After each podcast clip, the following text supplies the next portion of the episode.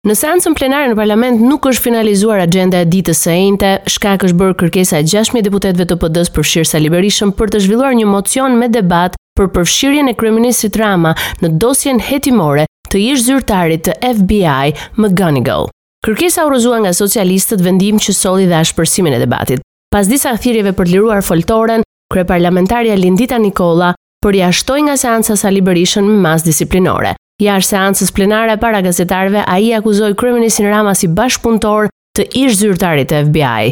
Ai gjithashtu komentoi thirrjen në SPAK për djalin e tij në çështjen e Gërdecit. Ky kryeministër me veprimet e tij ka vënë në kërcënim, në rrezik sigurinë e Shteteve të Bashkuara, sigurinë e NATO-s, sigurinë e botës së lirë.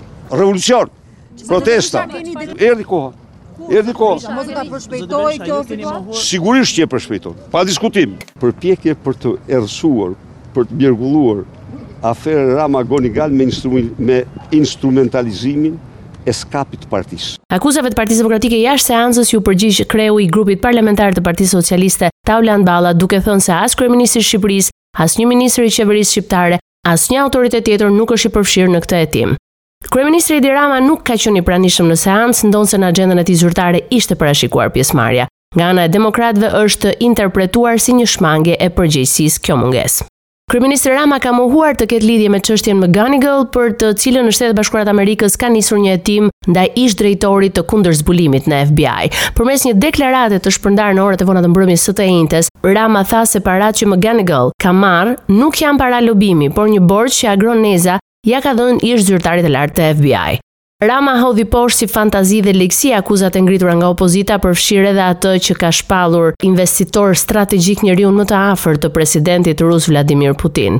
Pas akuzave të opozitës, Rama tha se sheh hallin e madh të kësaj të fundit në dyert e gjyqësorit për çështje të nxehta siç është 21 janari dhe Gërdeci. Sipas tij, të gjitha këto dosje kërkojnë drejtësi dhe nuk ka teori konspiracioni që i varros në harresë.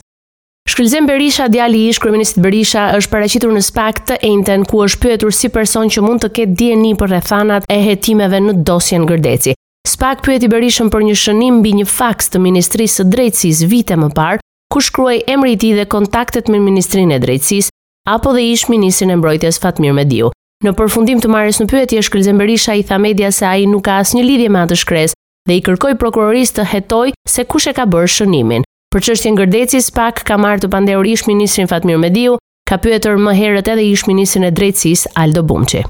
Gjykata Kushtetuese ka rrëzuar kërkesën e opozitës për ndërprerjen e mandatit të deputetit ministres së jashtme Olta Xhaçka pas shqyrtimit në seancë plenare të çështjes. Në vendimin e saj të shkurtuar Kushtetuesja bën të ditur se ka vendosur të pushojë shqyrtimin e gjykimit të kërkesës së një të pestës së deputetëve të Partisë Demokratike që drejtohet nga Sali Berisha me objekt konstatimin e pavlefshmërisë dhe mbarimit të mandatit të deputetes Xhaçka si të papajtueshëm me Kushtetutën e Republikës së Shqipërisë. Gjykata thotë se për këtë duhet të shprehet më parë Kuvendi i Shqipërisë. Në një tjetër vendim, kësaj here për kërkesën e deputetëve të grupit parlamentar demokrat, Gjykata Kushtetuese ka vendosur të rrëzojë dy vendimet e kuvendit që kanë të bëjnë me mosmiratimin e raportit të pakicës parlamentare dhe atë për miratimin e raportit të mazhorancës për këtë çështje. Opozita i kërkoi kuvendit që t'i heqë mandatin deputetes Xhaçka me argumentin se ajo nëpërmjet bashkëshortit të saj ka fituar statusin e investitorit strategjik duke përfituar pasuri publike në kundërshtim me ligjin. Pas rastit në Shkodër janë çmontuar 47 kamera të paligjshme në Durrës, Shijak dhe në Krujë. Policia bën me dije se janë 8 persona të dyshuar për montimin e këtyre kamerave, nga këta 2 në Durrës dhe 6 në Shijak. Vijon puna për zbardhjen e plotë të qëllimit të vendosjes së kamerave në Nikël dhe në Krujë, si dhe për identifikimin dhe procedimin penal të shtetasve që i kanë vendosur këto kamera. Sipas të dhënave të Instat, numri i shtetasve të huaj që hynë në Shqipëri gjatë vitit 2022 është rritur me 32.6% në krahasim me vitin 2021. Por në të njëjtën periudhë, numri i shqiptarëve që udhëtuan jashtë ka shënuar rritjen më të ndjeshme. Të dhënat tregojnë se numri i shtetasve shqiptarë që kanë dalë nga Shqipëria për 22-shin është rritur 40.4% krahasuar me vitin e mëparshëm. Madje gjatë muajit dhjetor për shkak të festimeve të fundvitit ka shënuar rekord 635.000 shqiptarë kanë udhëtuar jashtë duke pësuar rritje me 85.2% në krahasim me dhjetorin e 2021-shit.